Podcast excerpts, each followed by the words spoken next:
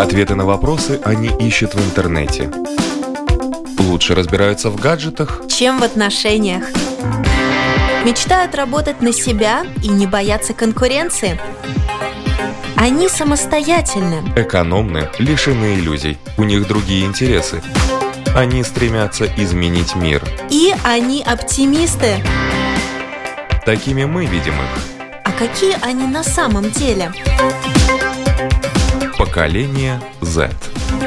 На латвийском радио 4. Здравствуйте, у микрофона Марина Талапина. Мы сегодня вещаем из мультимедийной студии, благодаря которой вы можете слушать нас и видеть нас в интернете, на Фейсбуке, Ютубе, в Инстаграме и, конечно, на сайте lr4.lv.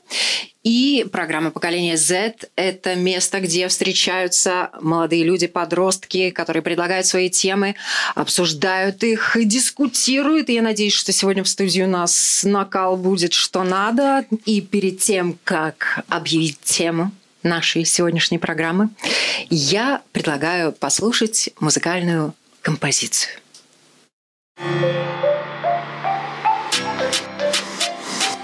Я проснулась, вижу ерунда. Под глазами синяки, прыщи, ну вы куда? Хорошо, что есть у меня своя команда. Мейкап банда Золотой праймер нанесу я на лицо. Сверху тональный консилер еще. Гладкая кожа, это приятно. Мейкап банда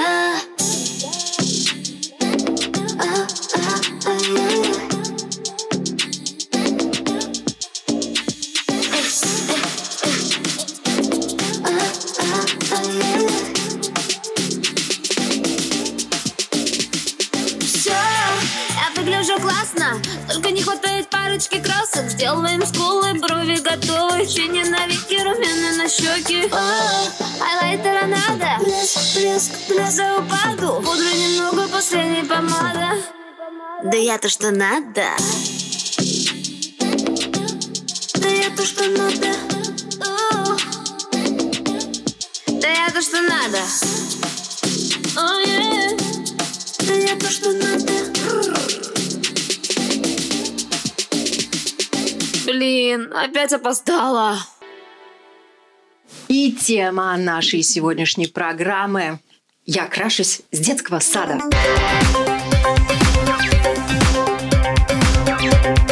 Поколение Z. Я рада представить. Сегодня поможет мне программу провести София Гурина. Здравствуйте, дорогие радиослушатели! Сегодня у нас действительно будет батл, будет спор. Мы будем дискутировать и размышлять на тему того, надо ли девочкам использовать косметику и надо ли девочкам краситься. И в лагере «За» у нас участвует Анастасия Никина. Привет. София Курочкина. Добрый день. Вторая сторона медали. Лагерь против. Кирилл Гончаров. Здравствуйте. И Леонард Теснов. Надеюсь, мы их разнесем. Надейтесь, в конце нашей программы мы обязательно узнаем результаты опроса, который провел Леонард Теснов при поддержке Софии Курочкиной. Но это будет потом. Мы узнаем, э, что думают по поводу нашей темы ученики, учителя, а также родители. Ну а сейчас э, батл и правила такие. Сначала обороняются и дают э, ответы на, надеюсь, каверзные вопросы, которые подготовили все э, те, кто против собственно говоря, не накрашенные. Вот. И потом обороняются и дают свои ответы те, кто за попросту говоря, накрашенные.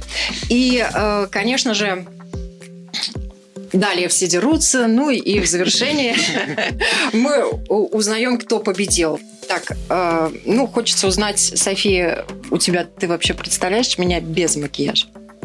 Представляю. Вполне себе, но я считаю то, что естественная красота в любом случае, в любом виде, она всегда самая-самая красивая. Но против косметики и макияжа я ничего не имею. По крайней мере, я считаю то, что благодаря косметике мы можем подчеркнуть свои достоинства в первую очередь, а потом уже скрыть какие-то мелочи и недостатки. И замаскировать возраст. Это Поэтому я себя без косметики не представляю, не скажу, сколько мне лет, конечно, но э, я попрошу бабушек и тетушек, которые красятся, э, не упоминать э, для, э, в качестве ваших аргументов, да. Вот. Мы сегодня говорим о школьницах. Противники мейкап. Пожалуйста, перед тем, как защищаться от вопросов, обоснуйте свою позицию. Почему вы против накрашенных школьниц? Я против накрашенных школьниц, потому что они иногда то, что они считают страшным, это не всегда страшно, потому что веснушки, к примеру, это прекрасно. Есть те дефекты лица или кожи, которые, наоборот, создают в них свою изюминку, почему они могут тебе нравиться и быть любимы. Прыщи, например. Ну, ну, в нашем возрасте уже прыщи не, не так часто встречаются, чтобы их можно было закрашивать, но все равно, как бы, по большей части макияж – это либо нереально большие красные губы, которые излишни, либо куча тональника, который скрывает все лицо и виден только тональник. На самом деле, в моем случае у меня слегка отличающееся мнение от того, что сказал Леонард, потому что идеологически сама идея не так плоха, но способы того, как э, маркетинг э, заставляет э, потребителей постоянно покупать себе новые продукты, они используют постоянно все новых и разных людей, чтобы массово люди начинали это делать с более раннего возраста, использовали эти безумно дорогие продукты во, во многих порядках, и чтобы они на этом постоянно зарабатывали и только делали, чтобы копить, копить свой капитал, вот против, я против этого.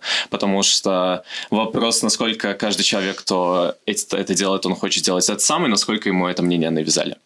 Ну, вообще концепция наживаться на заниженной самооценке – это не очень. То есть вы считаете, что красятся только те, у кого заниженная самооценка? По большей части, да. София, это камень у наш огород, что ли, я не понимаю? Конечно, наш. Так, так, так, так. Но, а, то есть, в принципе, поскольку мужчины чаще сегодня не красятся, у мужчин все в порядке с самооценкой, а у девушек, девочек, женщин не вспоминаем тетушек, бабушек, но у них тоже, у бедных проблемы с самооценкой. Но неужели это так? Ну, нам постоянно же внушают то, что это постулаты красоты. Открываешь любой журнал, там стоят прекрасные девушки, все залиты кучу тональника и так далее, и потом все девушки начинают за ним повторять. То есть вам приятнее общаться и смотреть на девочек, которая без макияжа, нежели чем девочка, которая накрашена? Пускай не очень сильно. Ну, я считаю, что лучше без. То есть рядом с собой вы бы хотели видеть девочек без с естественной внешностью? С естественной внешностью, да. А ты видел по-настоящему не накрашенных девочек хоть когда-либо? Вот скажи, сколько девочек вокруг тебя вообще не красится повседневно в школе? Вот если бы ты увидел и вот эти синяки с утра, я не знаю, как можно в школу проснуться вообще без них, ну вот серьезно. Девочка может нанести с самого утра просто тональник, считай, она уже накрашена. То есть ты это вообще не заметишь. А вот она смоет это. Красота! Можно высыпаться и не, и не сидеть. Не можно высыпаться. Также есть средства для ухода за лицом, которые... А это тоже косметика. Но мы говорим про мейкап, а не про косметику вообще. Ну, а, а также открывается вопрос, а зачем вообще думать о том, э, что другие люди думают о тебе, когда ты находишься в рабочей атмосфере, потому что ты пришел туда учиться, а не показывать всем свой внешний вид. А вот я с этим не согласна, опять же. Ты можешь накраситься, красиво выглядеть, и если тебе это самому нравится, почему это хоть как-то должно влиять на то, как ты учишься? Хотя очень мне не нравится та идея, что если ты накрасишься в школу для себя, есть такие люди, не с заниженной самооценкой, эм, люди будут говорить, фу, она накрасилась все равно, несмотря на то, что ей самой это нравится. Она будет не... См... Она, она не сможет не обращать внимания на этих людей, потому что ну, они смотрят, они а, говорят. А по-твоему, реально, насколько много людей это делают для себя, а не для того, чтобы другие люди говорили им мнение? А, Время вопросов тем, кто накрашен, будет немножечко позже. Но сейчас, пожалуйста, обороняйтесь. Вопросы со стороны накрашенных. Вот, а, меня очень задела фраза Леонардо о больших красных губах. Вот я считаю, что каждый человек вправе делать то, что он считает нужным, и вправе делать то, что ему нравится. Если тебе не нравятся накрашенные губы, не крась их. Если девушка красит губы, значит, ей это нравится, значит, она видит себя такой. Почему ты считаешь, что это плохо? А почему мы должны видеть э, то, что ей нравится? Она приходит в общество. Она даже, как бы, все стремятся в обществе понравиться всем. А она такая с гигантскими красными губами, и это ужасно. Нет, я так не считаю. Не все в обществе стремятся понравиться. Многие девушки делают макияж только для себя, чтобы подчеркнуть свою индивидуальность, чтобы подчеркнуть свой стиль. Почему ты думаешь, что все стремятся понравиться друг другу? А почему тогда дома ходить? Ты, кстати, только что сказал, что почему мы должны видеть. Это означает, что... А то, почему? что мы должны все равно для вас не краситься специально. Опять что-то делать для других. Хорошо, а, Все. а почему тогда... Почти нокаут. Да. А почему тогда дома вы ходите без макияжа, а на улицу ходите с макияжем, если для себя делаете? А ты видишь наш до- нас дома? Я, например, не смываю макияж очень долго. А ну я, или я могу накраситься не заново. делаю дома для себя какой-то образ. Я не составляю себе домашний лук и не дополняю его макияжем. Когда я выхожу на улицу, я стремлюсь как-то выделиться. А, Но опять же сделать это для себя, а не для того, чтобы люди меня заметили. Просто мне нравится изменять свой образ, менять свой стиль, смотреть, что мне подходит больше. Опять же, по моему мнению, а не по твоему мнению. Ну да, иногда дома девочки могут ходить куда больше накрашенные, чем на улице, знаю сама по себе. Когда ты пытаешься... а, да, это как раз для себя, в ту сторону. Когда ты пытаешься пробовать что-то новое, и ты там а, нарисовал себе огроменные стрелки, просто посмотреть, как это выглядит, там, блестки на все веко. Я не знаю, приклеил э, стразы, наклейки, и ты ходишь такой на улицу, я бы так, например, никогда не вышла. Нет, я вру. Сама заговорюсь. Ну да, в большей, э, в большинстве случаев я бы так не вышла на улицу, но дома это гораздо хуже выглядит, накрашеннее, чем, например, я в школу вышла. Слушайте, я предлагаю вообще представить весь мир э, без э, людей, которые используют мейкап как бы то ни было. Вообще, все звезды шоу-бизнеса без мейкапа. Причем и как э, мужского пола, так и женского. Как вы на это смотрите? Да, вот Мальчики. ваше мнение. Я наоборот считаю, что тогда у нас, э, а, мир бы был просто проще, потому что э, не существовало бы этой дополнительной проблемы для многих людей. Ой, я э, накрасил только один слой консилера. Сейчас я заметил, что у меня консилер не того цвета. Э, да, то есть, если бы никто этого не делал, тогда у нас и не было бы того, что это вообще нужно. Ага, сейчас. Потом бы пластические операции все бы делали. Их и так все делают. Но Всё мне по- кажется, это у- у- Их увеличилось сейчас бы. из-за этого как раз и начали делать, Да. потому что все видят, как они как, как надо выглядеть, а они так не выглядят. Ну, я не знаю, кто-то рождается красивее, кто-то сравнивает себя с этим человеком, и он такой... Но красота Что? это, опять же, понятие субъективное. Вот я лично считаю, что как раз-таки, допустим, в сфере кинематографа макияж это очень уместно, чтобы подчеркнуть опять же, роль человека, чтобы подчеркнуть его образ. Я не думаю, что вы бы были так впечатлены от какого-то фэнтези-фильма, если бы человек там не был накрашен. Человек-паук вообще Э. без маски. Кинематограф не является реальной жизнью, опять же, Ну. если мы про это говорим, потому что э, там как раз-таки люди пытаются создать невозможные образы, а реальная жизнь, ну, ты здесь ничего не сделаешь, ты есть кто-то вопрос есть. был в том, что что бы было, если бы макияжа вообще не существовало. Маленькая историческая справка. Началось все много веков назад. В те далекие времена искусством изготавливать краски для лица владели жрецы храмов. Они использовали их при проведении различных ритуалов. И в Древнем Египте косметику использовали только фараоны и представители высшего сословия. И, кстати, что интересно, его использовали не для того, чтобы выглядеть как можно привлекательней, а для того, чтобы отгонять духов. И для изготовления кремов для лица использовали травы, внутренности животных, сурьму, смолы, касторовое масло и животные жиры. Бледность лицу придавали при помощи белил, а румянец с помощью румян.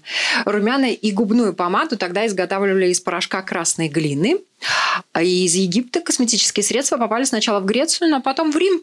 А в Греции как раз э, термин косметика появился и дошел до наших дней, и мы его используем и сегодня в нашей передаче в том числе.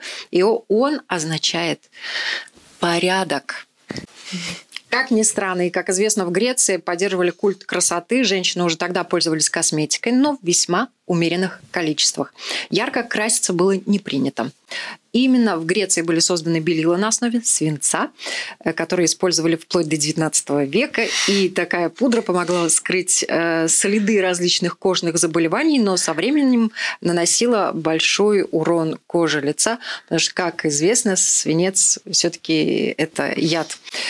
Вот. Ну, а в Риме косметика пользовалась огромной популярностью. Зажиточные горожане тратили огромное количество денег на покупки благовоний, массажных масел, румян, белил, помады и средств для окраски волос. И практически все римлянки хотели быть блондинками. Вот. Поэтому часто осветляли волосы и нередко оставались лысыми.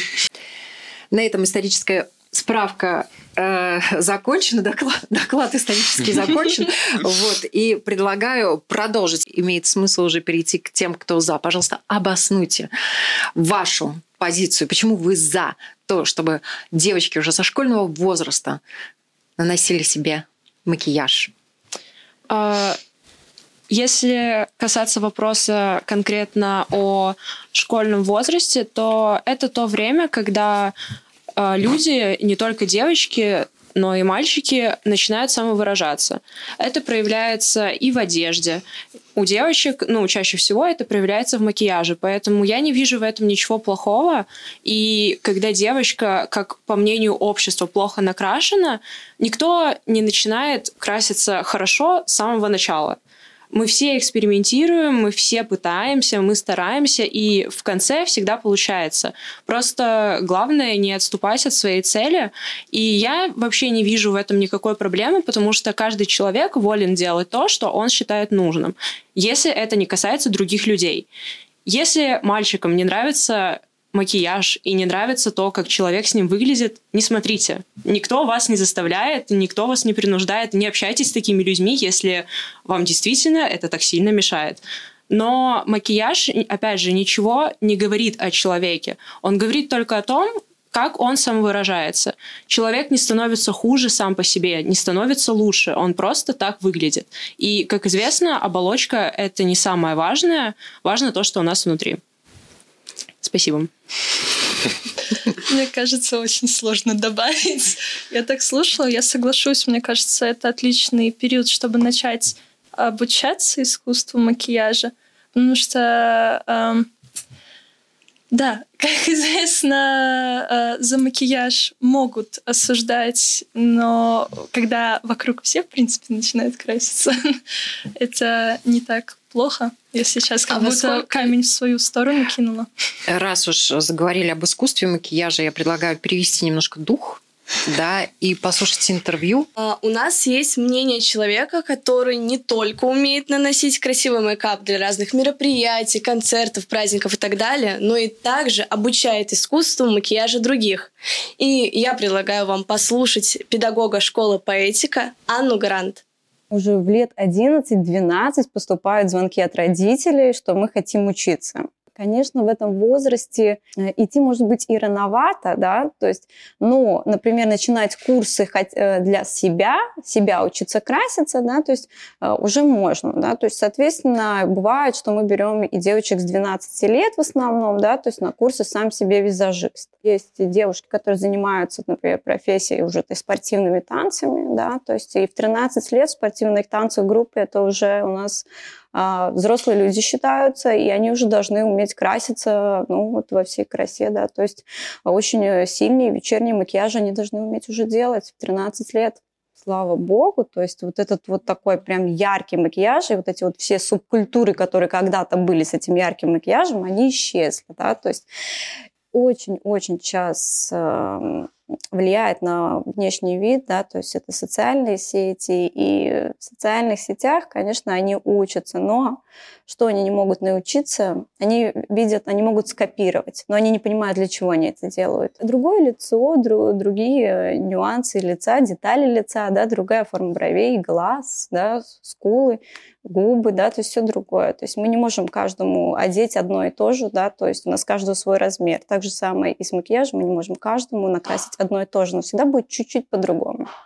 Как вы относитесь к вообще отсутствию макияжа? Знаете, как бывают две крайности. Как бы есть, когда слишком много макияжа, и есть, когда лучше бы чуть-чуть скорректировать, да, то есть э, поэтому, если есть такая необходимость корректировать тон, да,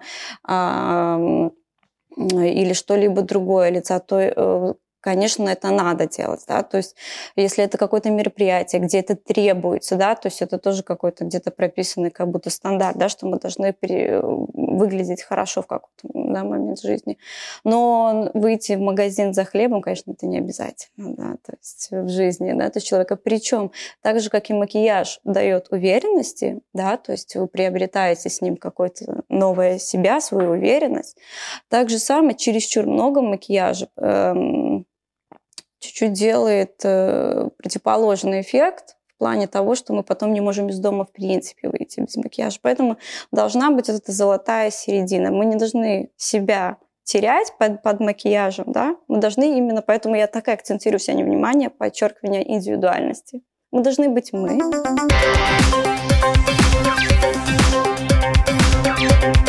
Поколение Z. свежесть девичья такая вот, и даже кожа, она настолько нежная, она настолько красивая, что ну вот э, зачем ее портить э, тем же тональником? Ну почему же портить? Мы не ну, портим. скрывать, скрывать. Мы подчеркиваем красоту. Вот я считаю, что портишь это когда ты покупаешь плохой продукт заведомо, наносишь его, и потом у тебя проявляются проблемы с кожей. И ты их списываешь на то, что ты неправильно питаешься, на то, что ты не смываешь косметику. А на самом деле это все из-за того, что мы постоянно на чем-то экономим. Вот если ты хочешь начинать краситься, вот это вот совет. Вот если вы хотите начинать краситься, mm. то нужно покупать проверенные продукты. Тратьте потому побольше что... денег на это. Дорогое удовольствие, но хорошо. Тогда если у нас есть деньги, мы покупаем качественные продукты. Если у нас нет денег, то мы не красимся, потому что кожа здоровая и наше здоровье вообще в целом и в общем, оно важнее, ага. нежели Тогда чем тебе надо перейти в лагерь противника на самом деле. Двигайся к нам. То есть ты считаешь, что это напрямую связано с социальным статусом человека и с экономическим благом? Это получается вот как в истории, да, могут себе позволить только люди из высших слоев общества. Ну, я считаю, что если мы говорим о здоровье кожи, то да, ну, в принципе, есть же а ты... товары, которые заменимы между собой. Заменимы, да. Но если это не стоит и получается, что девочки, денег. у которых нет денег, они наносят тот самый тональник, приходят в школу, скрывают свою нормальную кожу. У нас же кожа у ненакрашенных очень нормальная, свежая, красивая, чистая. Повезло просто. Молодых людей чаще всего все в порядке с кожей, она красивая. Они начинают ну, тональник принципе... наносить, чтобы не было видно, э, как они там покраснели. Они обязательно ведь с тональника начинают девочки краситься. То есть, например, в той же самой школе эм, они начинают учиться именно брови, например, красить. Потому, что, что они... это нас подчеркивает. Ну вот, не да, скрывает, или губы блеск, это тоже уже макияж. Э, это просто насчет тональника речь зашла, а тональным кремом начинают девочки в основном краситься позже, чем другой косметикой. Ну, у кого как. Но я, например, к тональнику чуть ли не последнем пришла. Во сколько лет вы начали краситься? Во сколько раз первый раз в руку взяли тушь? Как это было? С чего вы начинали? Сразу ли получалось? Ну вот, я начала использовать макияж, когда пошла в модельную школу. Меня там этому обучили. И то есть я не могу сказать, что я начала именно хорошо краситься по моему мнению с самого начала. Конечно, был период, когда я училась, и в принципе я начинала с бровей, потому что я хотела именно подчеркнуть, не что-то скрыть, не переделывать себя под кого-то. Я хотела просто выделиться. И я считаю, Сколько что это лет? неплохо. Я пошла в модельную школу в 15 лет, по-моему. Я думаю, что это как раз-таки тот возраст, когда девочки, в принципе, все начинают э, пробовать макияж. Может быть, немного кто-то раньше, может быть, позже, но в любом случае это неплохо. И это не отменяет того, кто мы есть на самом деле. Твоя история. Моя история макияжа.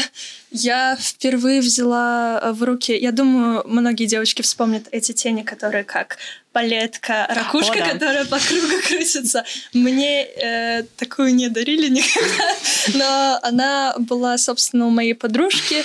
Мы сидели, наверное, получается, нам было по лет семь, то есть, э, ну, это тогда, естественно, не каждый день, а мы просто любили играть, красить там друг друга. Ну, то есть это такие первые разы. А вот прям постоянно краситься на такой ежедневной основе я стала, получается, в лет 12, где-то 13, это, получается, класс шестой. Вот. Э, но тогда, да, у меня свои тени уже появились. Это было связано с тем, что мне, опять же, их подарили лично, и я такая, я очень хочу краситься. Мне мама никогда не разрешала это делать, а потом мы были в поездке, я спросила, а можно я накрашу с тенями, которые мне подарили? Она такая, крась, кто тебя запрещает? И тогда у меня крыша снесла. Ну вот, такая история. Но это было в поездке, это было с одобрения родителей. Это а с одобрения... когда ты пришла в школу накрашенной? Ну, собственно, после поездки сразу же. Я тогда эту палетку вообще из рук не выпустила. То есть... Но в наше время девочек, э, которые пришли в школу накрашенными, разворачивали. И, или э, говорили идти домой, смывать ну, косметику, ну, кстати, или ни разу, ни разу не слышала такую реагируют? историю. То есть я помню, что у меня был период, когда я темно-синими тенями красилась от слова Прям панда была, серьезно. Мне стыдно за этот период. Очень стыдно, но такое но присутствовало.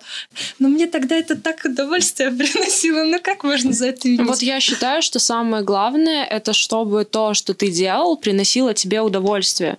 И если тебе нравится это делать и нравится менять свою внешность, при этом оставаясь самим собой, то это неплохо. Вот говоря про эти времена, которые вы упомянули, вот я застала это время, потому что я не все время жила в Латвии, и я знаю, каково это, когда тебя разворачивают из школы э, за то, что ты накрашен. Как ни крути, во всех странах свои порядки, свои нравы, но в любом случае для меня это просто дико на самом деле, потому что кто может мне запрещать самовыражаться, если это никому не мешает? А, ну, расскажи подробнее, где это было, как это было, кто тебя развернул? Директор? Я родилась не в Латвии, я родилась в Казахстане, и там совершенно другие в школе порядки. Это было не со мной, это было с моей сестрой, потому что тогда, когда мы переехали сюда, я была еще маленькая, но вот мою сестру очень часто разворачивали не только за макияж, за внешний вид просто, если там кофта немного короче, чем можно. Но вот мы сегодня говорим конкретно про макияж, и да, если ты накрасился так, что это чуть-чуть превышает норму, то это прямой разворот домой. Вопросы? Или у вас нет вопросов? У меня э, есть достаточно большое количество вопросов. Вы вместе говорили о том, что вы это делаете только для самовыражения, но а если задуматься, сколько э, девушек реально делают это ради самовыражения и сколько это делают, потому что, а, они боятся то, что э, если они придут не накрашенные, тогда будет негативная реакция в их сторону, б, э, они просто не воспринимают себя как личность без макияжа, и с, э, им просто не нравится их внешность внешний вид, потому что когда они видят себя с макияжем, они чувствуют, они понимают, вот только сейчас я выгляжу хорошо. Много девочек по-настоящему много так себя чувствуют, но мне кажется, что если она себя чувствует действительно лучше с макияжем на лице, то, наверное, пусть так оно и будет, если она себе нравится. То есть я не вижу смысл э, говорить ей, ну, перестань краситься, это тебя меняет, ты себя вообще забыла, как ты там выглядишь до этого, э, там, не накрашенная. Она не накрасится, она будет себя чувствовать просто подавленной и ужасно. Вот я считаю, что это проблема, которую навязывают нам СМИ. Из-за того, что мы постоянно листаем социальные сети и видим там идеальных девушек, вот девочки в принципе, начинают краситься, да, действительно, вот я согласна, что многие это делают, потому что они скрывают свои недостатки. И, в принципе, все это идет как раз-таки от СМИ, но это мое мнение. Хорошо, сколько вы тратите на косметику в месяц, в год? Как часто вы косметику покупаете? Я эту тему обычно не поднимаю, моя мама не должна это знать. Это закрытая информация? Это закрытая информация много. Честно, я трачу очень немного, потому что если брать повседневную жизнь в школу, в школу я почти не крашусь, и у меня максимально экономичный расход косметики, потому что, во-первых, мне просто лень. Честно, вот я просыпаюсь утром, я не хочу вообще ничего делать, я даже не хочу вставать в школу, но мне приходится это делать, и поэтому я себя не обременяю какими-то дополнительными занятиями, если я понимаю, что я могу этого избежать. Единственное, когда я могу накраситься в школу, это если я подбираю какой-то специальный лук, и мне вот хочется вот вот добавить что-то туда, вот тогда я это делаю. Но у меня, опять же, может храниться и использоваться косметика, пока у нее не выйдет срок годности. Потому Вау. что я даже когда я выхожу в свет по выходным, такое случается, то все равно косметики уходит минимально, потому что это, опять же, я делаю это не потому, что я что-то скрываю свои недостатки, а потому что я просто хочу подчеркнуть. Меня, кстати, это процесс, который, наоборот, помогает мне проснуться по утрам. То есть сначала я красилась, потому что мне нравилось, потом был период, когда я это делала, потому что иначе я не могу выйти. А сейчас это тот период, что я настолько привыкла к этому, и мне нравится, и это еще помогает мне проснуться, если я действительно получше чувствую. То есть бывают дни, когда я расстраиваюсь, ой, брови не вышли, ужас, я никуда не пойду. Но в 90% случаев эм, этот процесс действительно помогает мне как-то начать свой день. Сколько по времени у вас уходит на наложение макияжа? Ну, смотря какой макияж. Потому что, а, например, в школу мне достаточно 15 минут. То есть, ну, я не считаю, что это много для макияжа, но я успеваю сделать действительно все. И если я на выходных сделаю тот же самый макияж, у меня это может растянуться до 40 минут. Просто потому, что я пытаюсь заставить себя проснуться, но это идет помедленнее, потому что на выходных я знаю, что я буду бездельничать. Э, хорошо, Леонард, у тебя есть вопрос? Макияж для селфи. Когда теряется вся личность женщины. Это не ко мне, потому что я селфи вообще не делаю. Давай. Так, макияж для селфи. Что плохого в макияже для селфи? То, что это просто картинка с журнала, которую пытаются перенести на лицо. В плане ты имеешь в виду, что используют слишком много косметики? И теряется вся личность человека. Ну, так она потом так на улицу выйдет и будет человеком ну, обычным. так это же только твое мнение.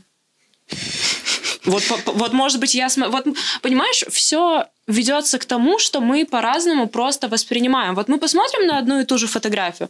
Я буду смотреть с точки зрения того, что я восхищаюсь, как человеку подобрали так удачно образ, что это его не портит, по моему мнению, а только наоборот красит и придает какой-то другой вид.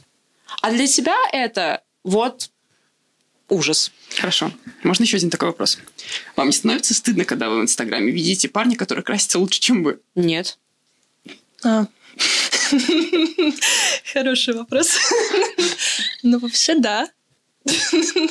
Я могу сказать, что я еще учусь краситься, но да, если увижу парня, который красится лучше, чем я, мне может стать стыдно. Это зависит от моего именно настроения, а может стать э, наоборот толчком, э, что я захочу попробовать что-то. Но это происходит реже. И если те, на кого вы равняетесь, какие-то примеры там знакомые или, может быть, знаменитости, на кого вы обращаете внимание, пытаетесь что то повторить? Быть в луке такого, от чего у вас сердце замирает? Ну, если я знаю, что, допустим, будет какое-то мероприятие, я могу просмотреть очень много картинок, как люди накрашены, чтобы знать, э, что может подойти мне и попробовать. Но чаще всего я скорее ищу даже не сколько для того, чтобы именно я попробовала, а вот меня подруга красит. То есть, например, сегодня меня накрасили. И то, что говорят сегодняшние тенденции, то, что говорила наш специалист, э, педагог э, Натюрель, сделать так красиво и незаметно и подчеркнуть черты лица, придать форму и так далее, чтобы никто этого практически не заметил. Вы вот признаете а, то, эм. что вы можете не увидеть, что у девушки есть э, макияж? Э, скорее всего, да, потому что я, а, я не особо обращаю на это внимание, но, б, по-моему, это является более негативной стороной всей индустрии, потому что в случае, например, когда человек пытается самовыражаться, он чаще всего использует что-то яркое или что-то реально подходящее, и тогда это заметно, что человек это делает э, специально, чтобы это было частью его, а когда он делает так, чтобы замаскировать критиковать абсолютно все, что ему не нравится в самом себе, мне кажется, это ну, более негативно влияет на человека. Ну, то, что касается здоровья, как косметика, не только декоративная, влияет на кожу и что с этим делать, мы узнали у врача, дерматолога-трихолога из Веселивс Центрс 4 и слово доктору Садре Визуле интерес у маленькой девочки, да, у, у будущей дамочки, да, у молодой девушки начинается уже, может быть, с двух лет. Да, она видит, что мама красится, она видит красивые картиночки, да, и этот интерес пробуждается. Ну, другой вопрос про возраст, когда уже ребенок в подростковом возрасте, уже не совсем ребенок.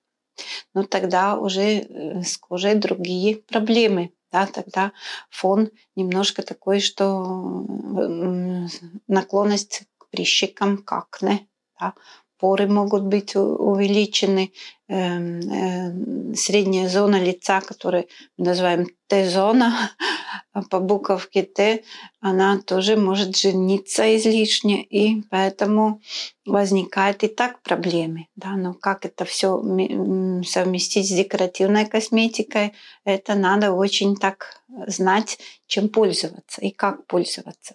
Поэтому такая самодеятельность, ну, надо какого-то хорошего советчика. Да?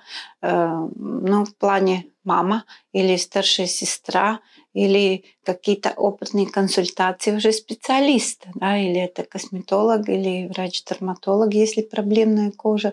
Но пробовать всегда э, дети, и подростки, и девочки будут, и это надо. Приходят э, девушки э, с проблемами кожи из-за декоративной косметики. Как? Приходят, и там нельзя сказать, что только с декоративной косметикой любой крем, который консистенции крем, он не только увлажняющий, он и питательный, он может излишне блокировать уже поры. Да? Поэтому в таком молодом возрасте, если кожа комбинирована или склонна к излишней сальности, э, ну, ни в коем случае в подростковом возрасте и в юном возрасте не надо каждый день, два раза в день пользоваться кремом, особенно к вечеру.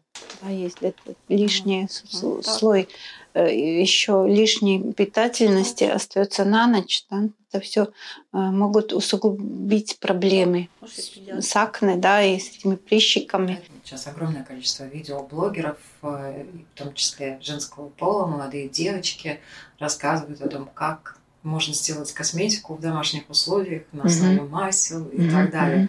А насколько этому можно доверять? Ну, Насколько это безопасно? Ну, это такая импровизация, да, это развлечение, да, хобби. Да? А насколько это будет улучшать кожу, ну это еще вопрос. А если там ингредиенты совсем нейтральные, то, что мы употребляем в свою пищу, я думаю, что большого вреда не будет, да? если вовремя это и хорошо смыть. Да? А так, ну, наверное, улучшение от этого навряд ли получится. Поколение Z. Вы видели девочек, которых испортила косметика, там, я не знаю, которые покрылись прыщами? Ну, только если тех, э, кто эту косметику не смывал по несколько дней подряд, в смысле, что э, ну, мне с утра не придется краситься. Или, например, я останусь там на ночевку у подружек или вообще у кого-то на ночевку, я не могу смыть макияж, потому что тогда они увидят, какая я там некрасивая или просто, ну вот из-за неуверенности, потому что такой вариант тоже присутствует. Был случай, девочка, у нее трескается кожа на лице, ну из-за зимы. Нанесла тональник, было видно, как тональник скопился под отшелушивающейся кожей. Это отвратительно. Хочется узнать, перед тем, как мы подойдем к итогам нашей программы, о результатах опроса, который вы провели Результаты получились очень интересные. Леонард, тебе слово. Было опрошено 235 человек, и 76 из них процентов это девушки. А, и 202 человека из этого студенты были еще учителя и родители, но их, к сожалению, было меньше опросившихся, опрошенных. Девушкам по мнению учащихся, девушкам стоит начинать делать макияж в период между 13 и 16 годами. София? А, следующий наш вопрос был, когда, в общем, каждый начинал делать макияж.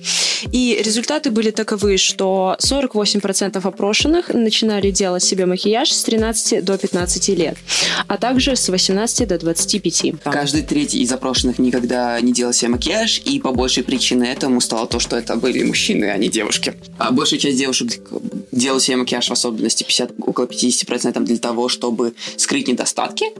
А, около 15% делают для того, чтобы понравиться другим, а все остальные делают для себя, для того, чтобы подчеркнуть определенные черты ли, лица или чтобы чувствовать себя более уверенным. А, учителя и родители в вопросе показали то, что стоит начинать э, делать макияж в период между 16 и 18 годами, хоть сами первый опыт по тому, как сделать себе макияж, получили в гораздо более раннем возрасте.